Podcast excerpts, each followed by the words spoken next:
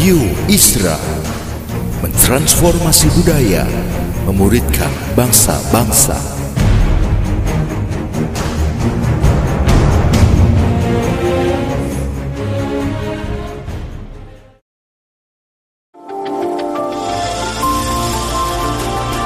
Voice of Pradaim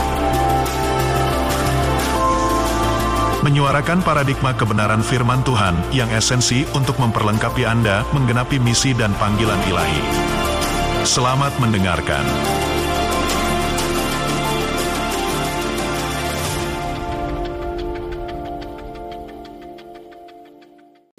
Uh, beberapa waktu yang lalu saya diundang sebuah persekutuan doa di sebuah kampus di mana kampus itu adalah alma mater tempat di mana saya dulu kuliah. Dan yang menarik adalah waktu saya diundang, saya udah lama nggak ke kampus itu, saya alumni dari kampus itu di Surabaya.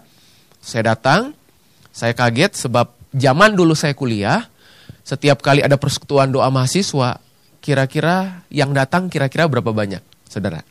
Kalau di zaman saudara kuliah atau mungkin di zaman saat ini, rasa-rasanya ketertarikan orang untuk hal-hal yang spiritual itu rasanya sangat kurang. Dan waktu saya sampai, tiba-tiba saya dapat informasi bahwa ruang persekutuan yang biasanya dibuat di sebuah gedung, di sebuah fakultas, dipindah ke lantai 5 gedung perpustakaan kampus tersebut dan seingat saya gedung perpustakaan di lantai tersebut sangat besar luas dan saya berpikir apa nggak salah gitu ya persekutuan dibuat di tempat yang besar lebih luas lebih besar dan yang mengagumkan adalah waktu saya masuk suasana ruang tersebut penuh dengan orang ya dan di luar dugaan, di luar ekspektasi saya ya. Karena biasanya persekutuan doa kampus ya, biasanya kita datang paling 20, paling banyak 30 orang udah puji Tuhan. Dan hari itu ada sekitar ratusan orang berkumpul di kampus tersebut dan saya mulai menyampaikan firman Tuhan. Nah, selesai saya berbicara, setelah saya sharing firman Tuhan, ada seorang mahasiswi datang kepada saya dan minta waktu untuk ngobrol. Dan ini yang menarik. Oke. Okay?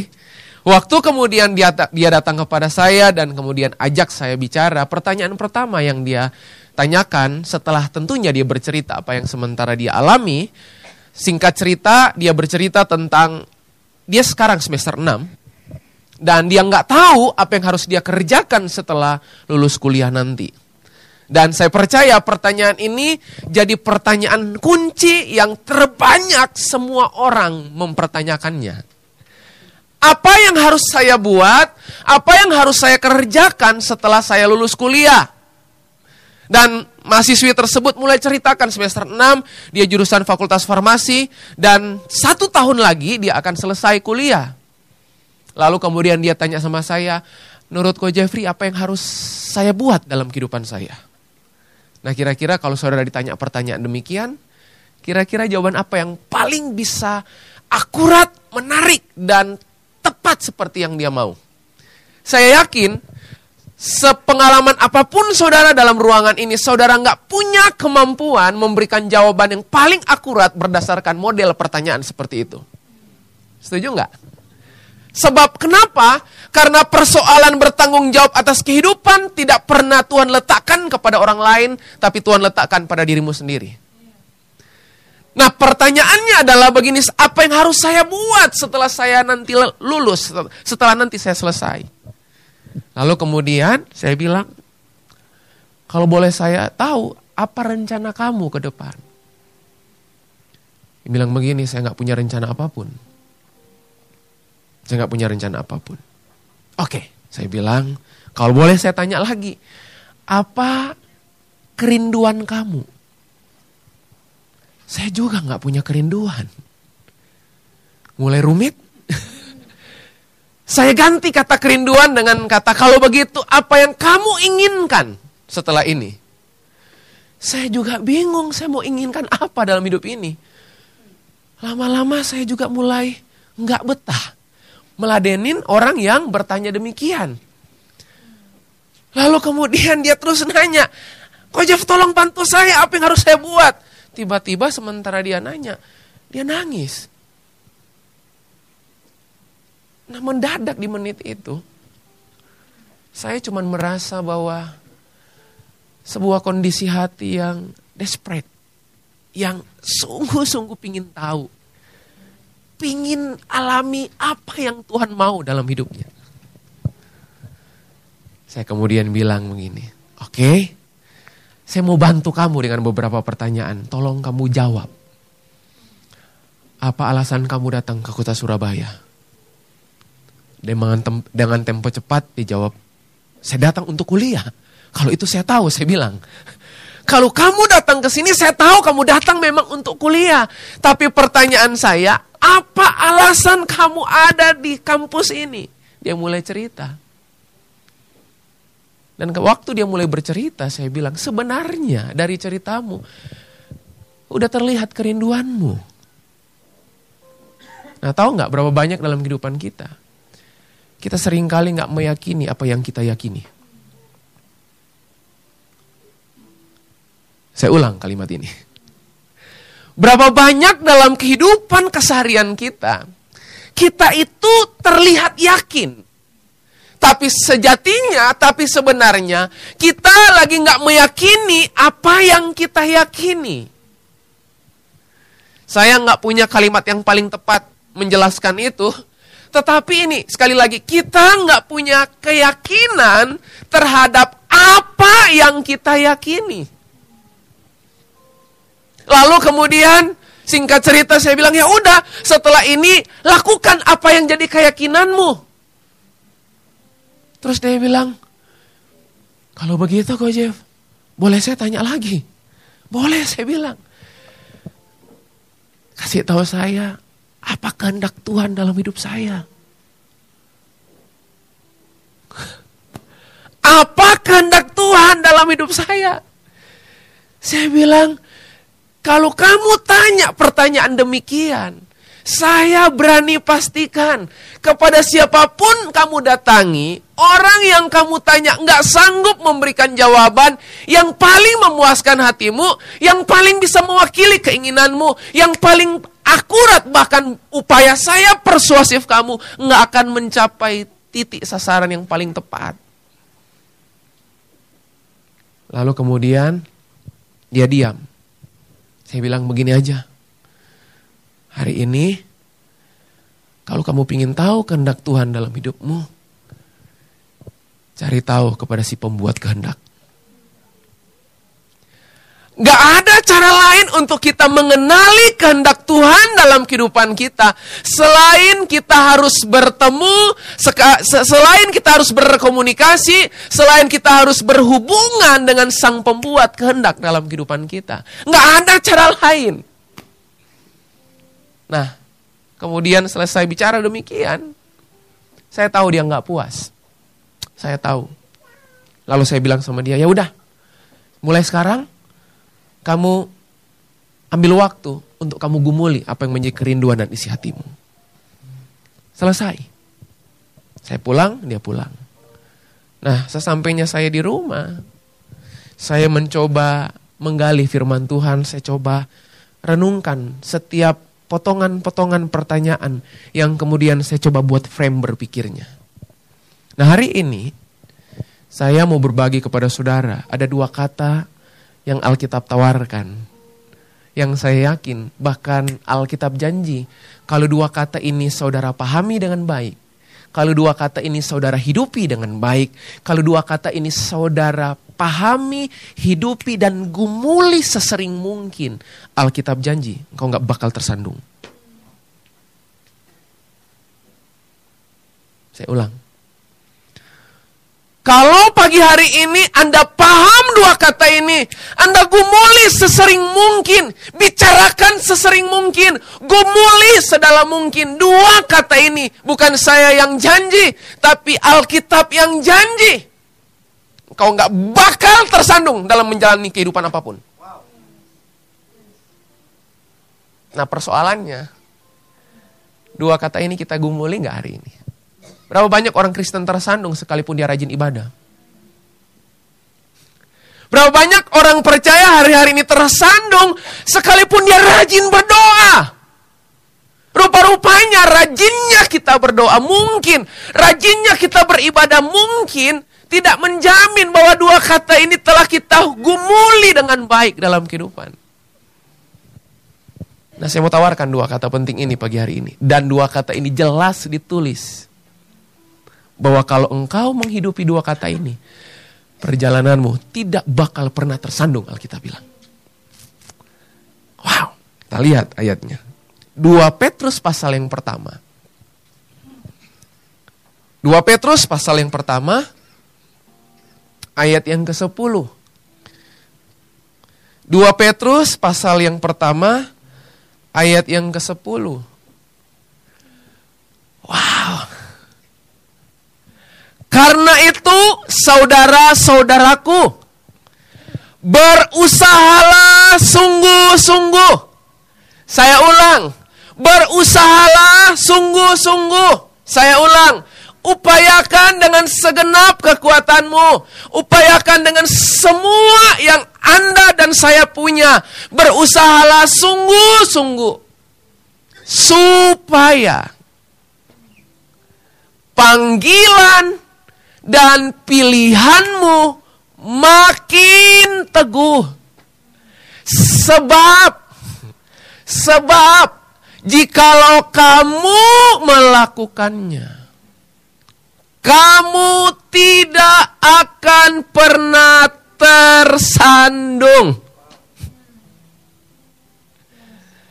Janji Tuhan simpel. Kamu tidak akan pernah tersandung kalau kamu nggak akan pernah tersandung apabila kita tahu dua kata ini, yaitu panggilanmu dan pilihanmu. Nah menariknya, sebelum dua kata itu disodorkan, kata di atasnya bilang begini, berusahalah sungguh-sungguh. Berarti begini, yang punya tanggung jawab menemukan, yang punya tanggung jawab untuk kemudian menemukan kata ini, menghidupi kata ini adalah Anda dan saya. Sebab Tuhan bilang, upayakan dengan sungguh-sungguh.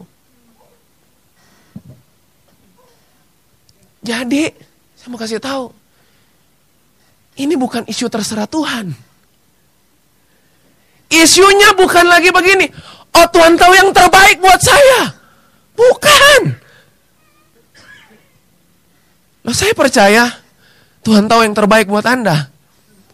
Saya percaya bahwa apa yang terbaik buat kita Tuhan sudah rancang.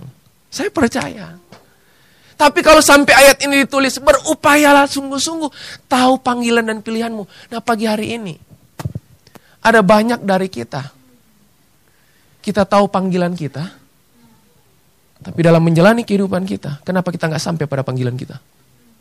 Karena Anda dan saya salah memilih banyak hal. Setuju? Berapa banyak dalam kehidupan kita ini kita itu udah tahu panggilan kita apa, kita tahu. Tapi kenapa dalam proses perjalanan menghidupi panggilan kita, kita nggak pernah sampai. Dan gagal, jatuh bangun. Kenapa?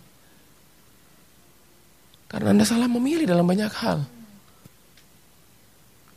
Nah pagi hari ini saya mau mulai dulu dengan kata yang penting pertama. Yaitu panggilan. Hei, saya mau kasih tahu buat saudara. Gak peduli saudara berangkat dari titik yang mana. Yang jauh lebih penting, saudara menuju ke mana. Ya. Gak peduli saudara itu start dari titik yang mana. Saya gak peduli. Yang harusnya dari jadi pusat perhatianmu, konsentrasimu itu anda itu mau menuju ke mana. Sebab dengar baik-baik. Kalau Anda nggak tahu Anda menuju ke mana, ke mana pun Anda pergi, Anda merasa udah sampai.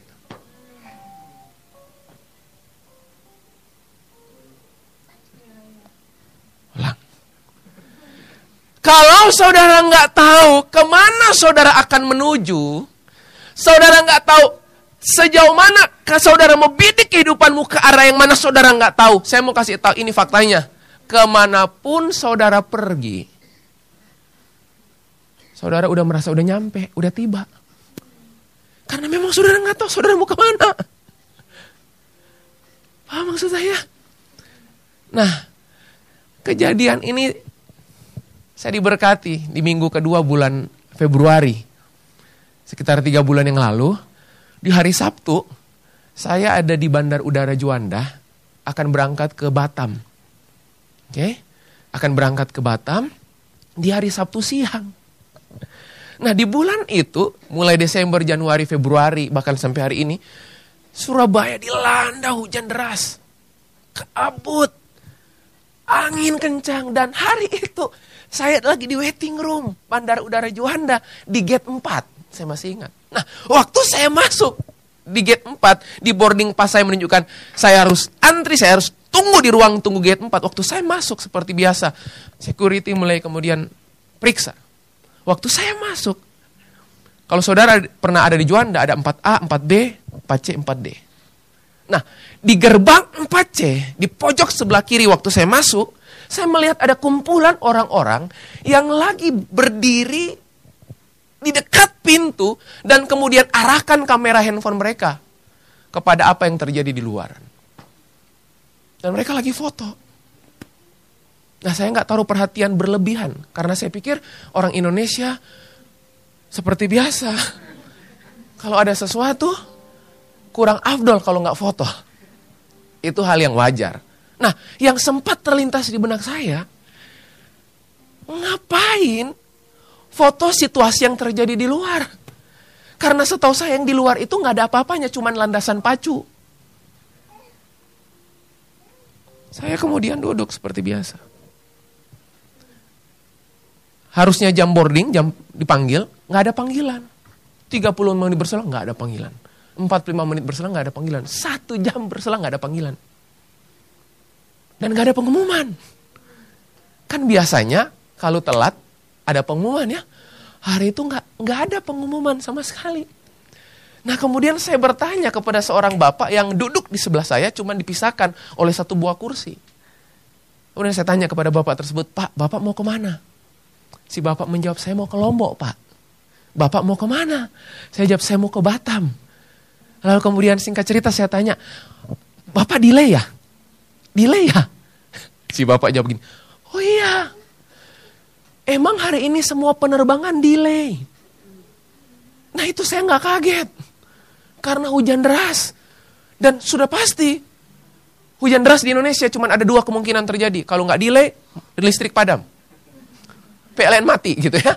Biasanya begitu. Nah, yang yang mengagetkan saya waktu saya tanya, saya nggak kaget waktu si bapak bilang delay.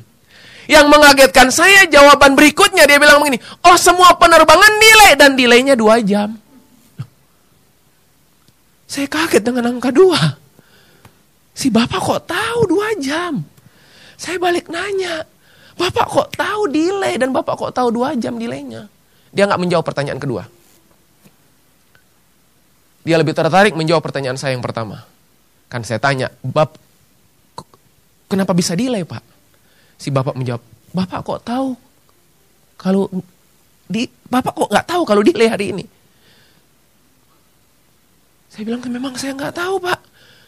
Si bapak bilang, pak, bapak lihat nggak orang yang di pojokan sana? Masih ada yang lagi foto-foto. Nah karena udah delay dua jam, bapak ibu saudara paham nggak kira-kira apa yang terjadi di ruang tunggu? dipenuhi dengan orang. Karena yang harusnya yang dua jam sebelumnya udah pada terbang, ketumpuk beberapa orang kumpul lagi di situ dan suasana jadi gaduh, nggak nyaman, panas gitu. Dan kemudian si bapak bilang, nah akibat orang-orang itu, akibat orang-orang yang lagi foto itu, itu kita delay pak. Loh, apa kaitannya antara delay dengan orang yang lagi moto? Saya bilang, pak, yang benar aja pak. Kami ngobrol, dia bilang begini. Nah pak, orang yang lagi foto-foto itu pak. Mereka lagi foto pesawat salah satu maskapai penerbangan nasional. Waktu dia landing di Surabaya. Dalam kondisi hujan deras. Landasan pacu licin waktu dia landing. Karena kondisinya licin hujan deras. Nggak tepat di landasan pacu. Dan dia nyungsep. Dan akibatnya semua penerbangan delay 2 jam. Nah yang saya mau ceritakan adalah begini. Begitu dua jam tepat. Saudara pernah nggak lagi ada di waiting room, mendadak semua pintu dibuka. 4A, 4B, 4C, 4D. Belum pernah ya? Nah hari itu dalam sejarah penerbangan ya. Saya di dalam ruangan itu tiba-tiba tepat dua jam. Semua pintu di ruang tunggu 4, 4A, 4B, 4C, 4D terbuka semuanya. Dan apa yang terjadi? Karena semuanya pintu terbuka. Dan saya masih ingat, saking cerita ini berkesan di saya. 4A Batam, 4B Makassar, 4C Jakarta, 4D Denpasar. Dan begitu itu pintu terbuka semuanya. Orang mulai berhamburan dan antri masing-masing. Waktu saya lagi antri, berapa banyak saudara percaya bahwa dalam segala keadaan Tuhan bisa bicara? Amin. Waktu saya lagi antri di 4A. Semua lagi antri. Pernah nggak dalam hidup ini kita klaim pintu yang terbuka itu saya anggap pintu kesempatan yang Tuhan seakan-akan kita klaim Tuhan buka. Benar? Pernah? Pernah ya? Kita klaim bahwa eh Tuhan lagi banyak buka banyak pintu kesempatan dalam hidup saya. Saya mau kasih tahu, sekalipun Anda dan saya klaim bahwa apa yang di depan kita itu terbuka, pintu itu terbuka dan kita anggap itu pintu yang Tuhan buka dalam hidup kita. Saya mau kasih tahu, kalau Anda nggak tahu, Anda menuju ke mana? Anda nggak punya kemampuan memilih dengan baik.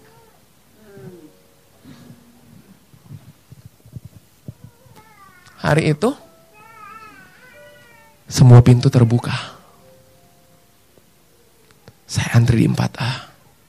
Antri panjang. Sementara antri Tuhan ajar. Hei. Dalam hidup sama. Saya mau kasih tahu. Kenapa saya tetap antri di 4A? Karena saya tahu saya menuju ke mana. Dan pernah nggak Anda alami? Anda lagi antri di sebuah tempat, dan Anda itu masih belum tahu apa yang Anda akan putuskan. Anda masih meraba-raba, Anda mau menuju ke mana.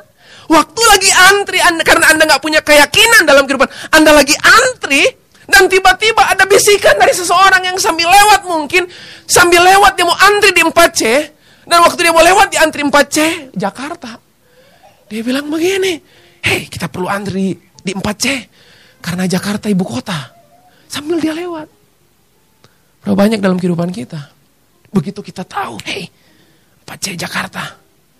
Saya mau tanya, bahkan mungkin sementara kita antri, kita udah di mulut pintu yang akan bawa kita masuk pesawat untuk terbang. Tapi hanya gara-gara ada beberapa orang yang berkata, Jakarta lebih baik daripada Batam. Anda antri lagi nggak? Anda keluar dari rombongan itu, nah saya mau tanya, waktu Anda keluar dari rombongan itu, pertanyaan saya, Anda langsung antri di depan atau antri lagi dari belakang? Belakang. Waktu Anda antri di belakang, sama. 4C.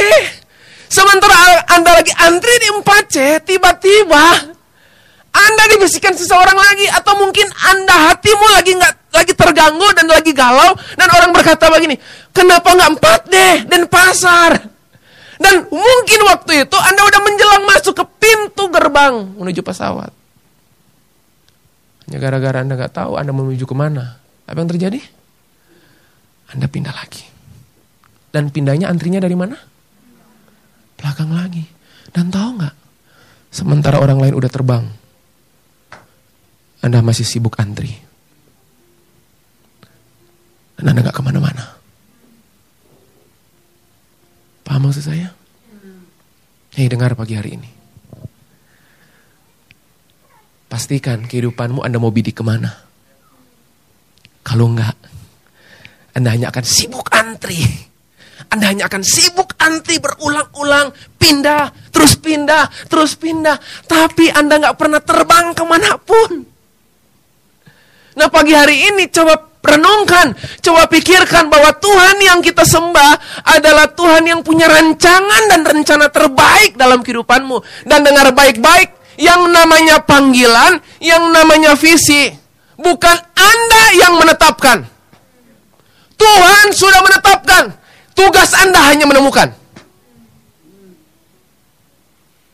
Saya ulang, yang namanya panggilan, yang namanya visi, Anda tidak menetapkan.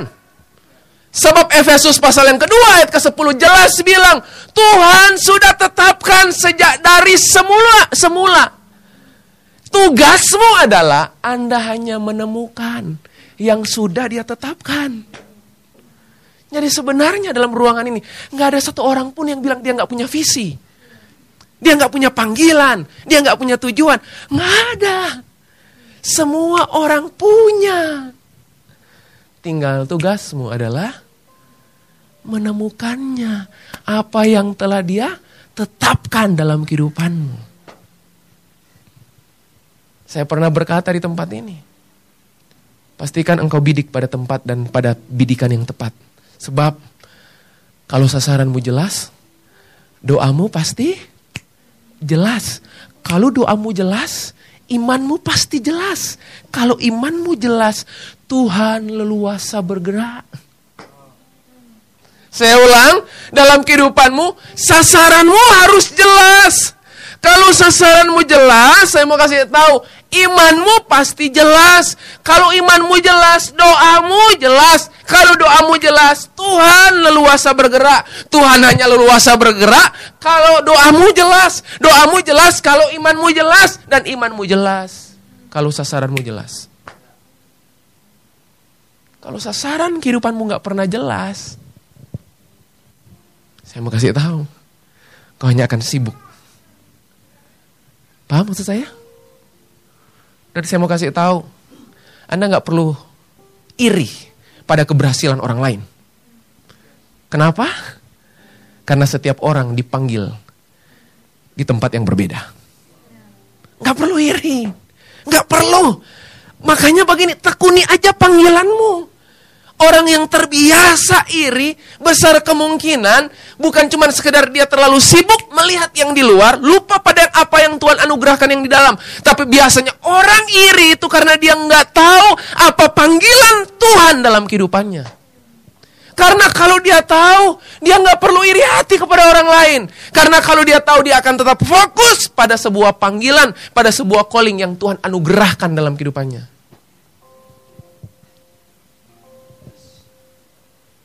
Dan saya mau kasih tahu,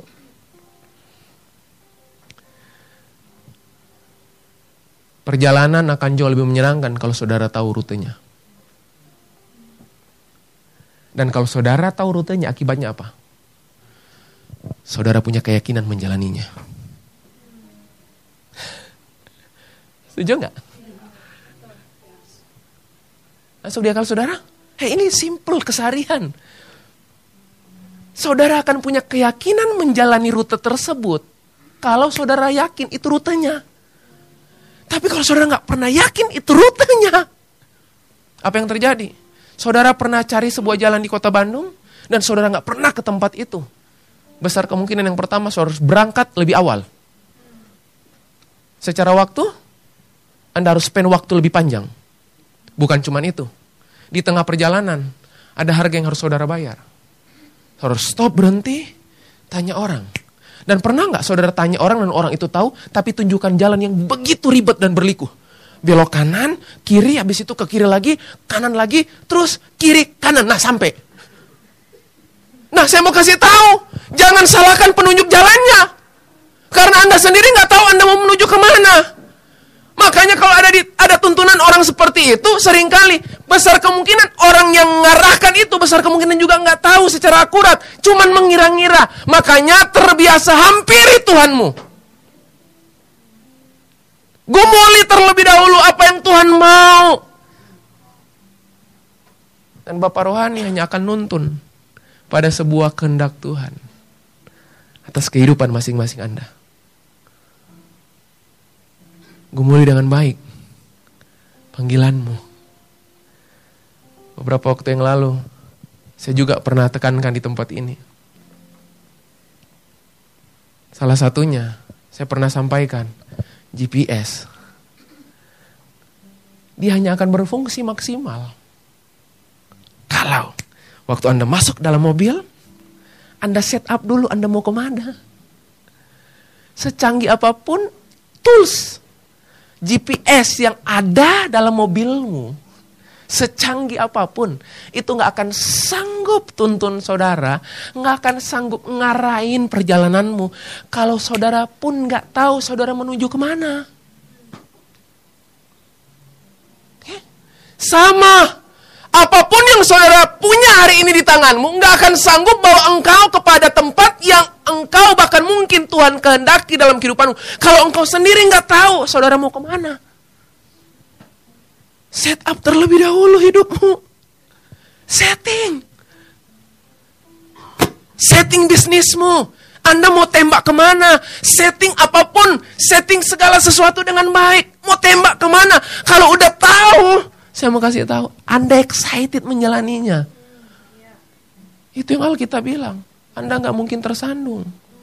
Dan saya mau kasih tahu. Sekalipun banyak tawaran saya nggak akan terganggu. Kenapa? Karena saya tahu hidup saya saya mau bidik ke mana.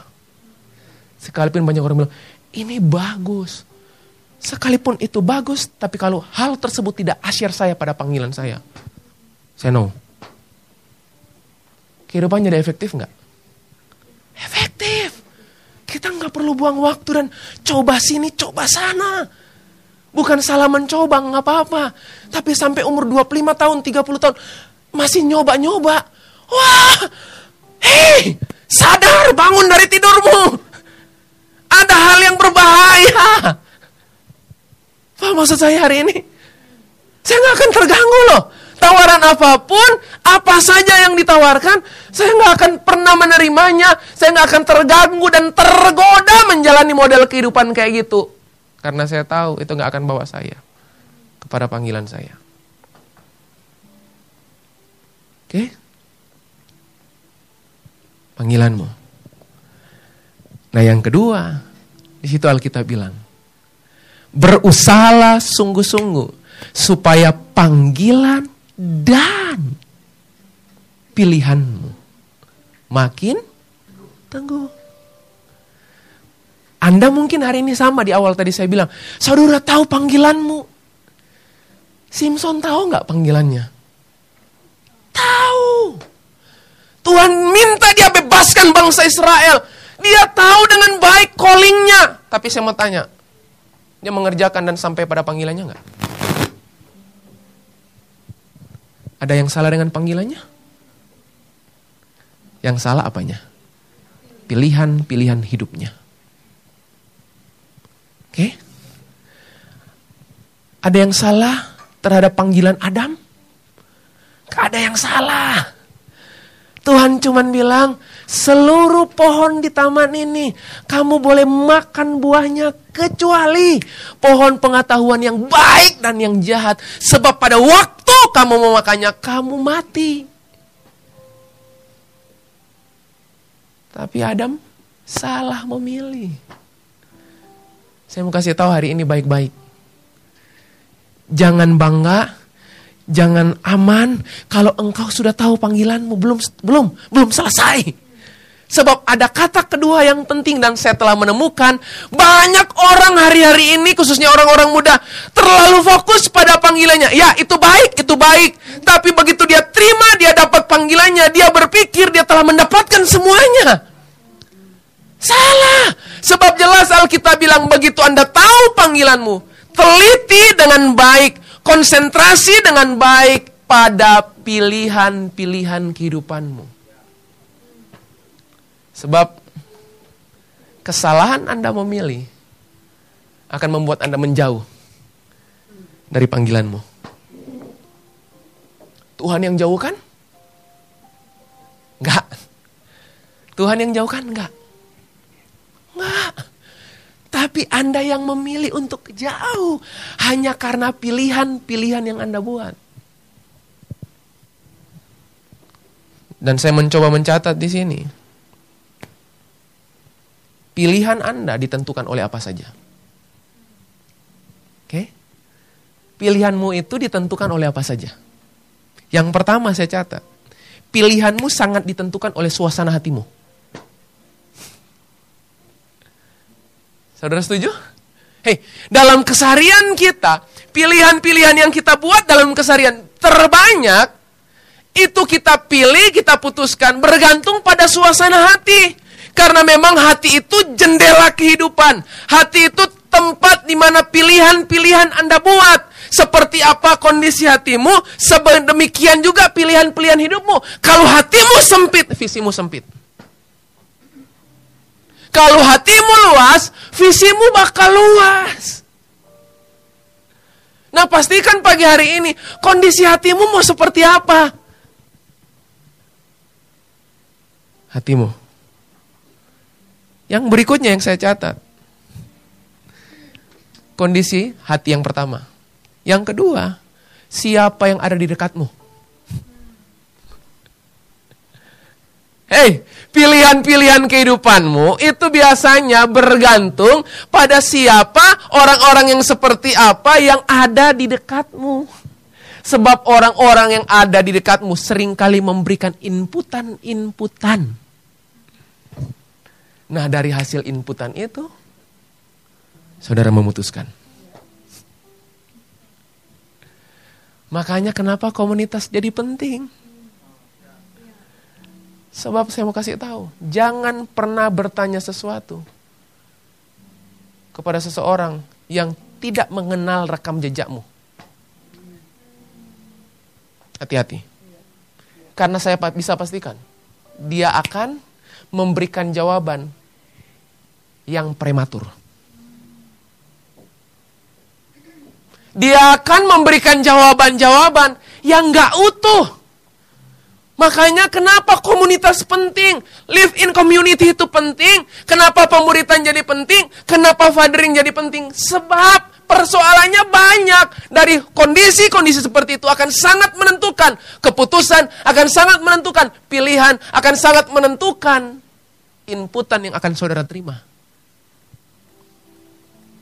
Nah waktu mahasiswi tersebut tanya sama saya, saya tidak akan pernah memberikan jawaban yang paling tepat memang. Bukan karena sekedar saya nggak bisa menjawab, memang saya harus akui. Pertanyaannya, dia mau tanya kepada siapa pun, nggak bakal bisa orang macam apa pun bisa menjawab pertanyaannya. Tapi yang kedua, saya kan nggak tahu apa yang sementara dia gumuli. Paham maksud saya pagi hari ini? Hei, siapa yang ada di dekatmu? Itu punya peranan pilihan-pilihan yang akan Anda ambil di hari-hari ke depan. Yang berikutnya, pilihan kita ditentukan oleh prioritas-prioritas kita. Saudara setuju? Pilihan-pilihanmu di hari-hari ke depan itu ditentukan oleh prioritas yang engkau setting yang engkau set up. Kenapa banyak orang susah memilih? Karena banyak orang tidak punya prioritas. Kenapa banyak orang memilih? Karena bagi dia, di depan dia itu semua prioritasnya. Nah kalau bagi dia di depannya semua prioritasnya, semua dia bakal pilih nggak? Semua dia bakal pilih. Dan masalahnya, dari keseluruhan yang dia pilih, tidak dalam tempo bersamaan bisa dilakukan secara bersama-sama harus ada yang diutamakan, harus ada yang didahulukan. Dan Alkitab banyak mengajar tentang prioritas. Tetapi carilah dahulu kerajaan Allah dan kebenarannya. Carilah dahulu, dahulu itu carilah yang utama. Yang utama kerajaan Allah dan semua kebenarannya. Maka semua ditambahkan kepadamu. Jelas bahwa rupa-rupanya keputusan dan pilihan kita kita ambil dengan cara cari dahulu kerajaan Allah kebenarannya. Maka yang berikutnya ditambahkan kepadamu karena itu prioritas utama. Prioritas. Nah, saya pikir Hal ini penting buat saudara siang hari ini. Ingat baik-baik. Panggilan dan pilihan. Kalau belum tahu panggilannya apa, gak usah bingung. Yang pertama Anda harus sadari, Anda sudah punya. Itu dulu. Saya ulang, saya masih nggak tahu panggilan hidup saya apa. Saya mau pastikan yang pertama, itu sudah ada di dalam engkau. Kalau sudah ada dalam engkau berarti sudah ada belum? Sudah ada di dalam diri kita, tinggal kita menemukannya. Cara menemukannya gimana? Saya kutip kalimatnya Kowing. Kowing bilang, kehidupan yang maksimal itu kalau Anda paham tiga hal. Yang pertama,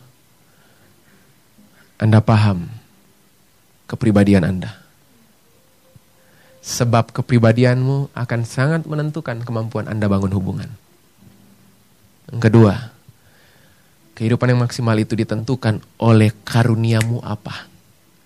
Sebab karunia itu seperti pisau. Sebab karunia itu seperti bahan bakar yang akan membuat engkau terus berjalan tanpa lelah. Membuat engkau terus excited di tengah-tengah sesuatu yang sulit sekalipun yang ketiga katanya, Anda harus temukan panggilanmu. Apa? Itu kehidupan yang maksimal. Jadi sebenarnya panggilan itu adalah pernikahan, perkawinan. Waktu Anda mengetahui apa personality Anda dan apa karuniamu. Anda akan ketemu pada panggilan. Oke? Dan yang kedua, bukan cuma panggilan yang harus Anda pahami hari ini. Tapi yang kedua apa? Pilihan. Saya mau titip pesan berulang-ulang bagian yang kedua. Hati-hati dengan pilihanmu. Anda mendekat atau menjauh dari panggilanmu, itu Andalah yang menentukan. Oke? Okay? Andalah yang akan mengerjakan semua itu dalam kehidupanmu. Dan doa saya siang hari ini, anda berjalan di trek yang benar. Doa saya pagi hari ini, gumuli dengan baik. Gumuli dengan baik. Supaya kehidupanmu berdampak. Supaya kehidupanmu berbuah. Supaya kehidupanmu bermultiplikasi. Dan setiap hal yang telah termultiplikasi, saya yakin hal tersebut kemudian itu jadi yang bahasanya sekarang orang bilang brand Anda personal brand. Kalau itu udah jadi personal brand, saya mau kasih tahu Injil Kerajaan Allah gampang dimanifestasikan. Kenapa?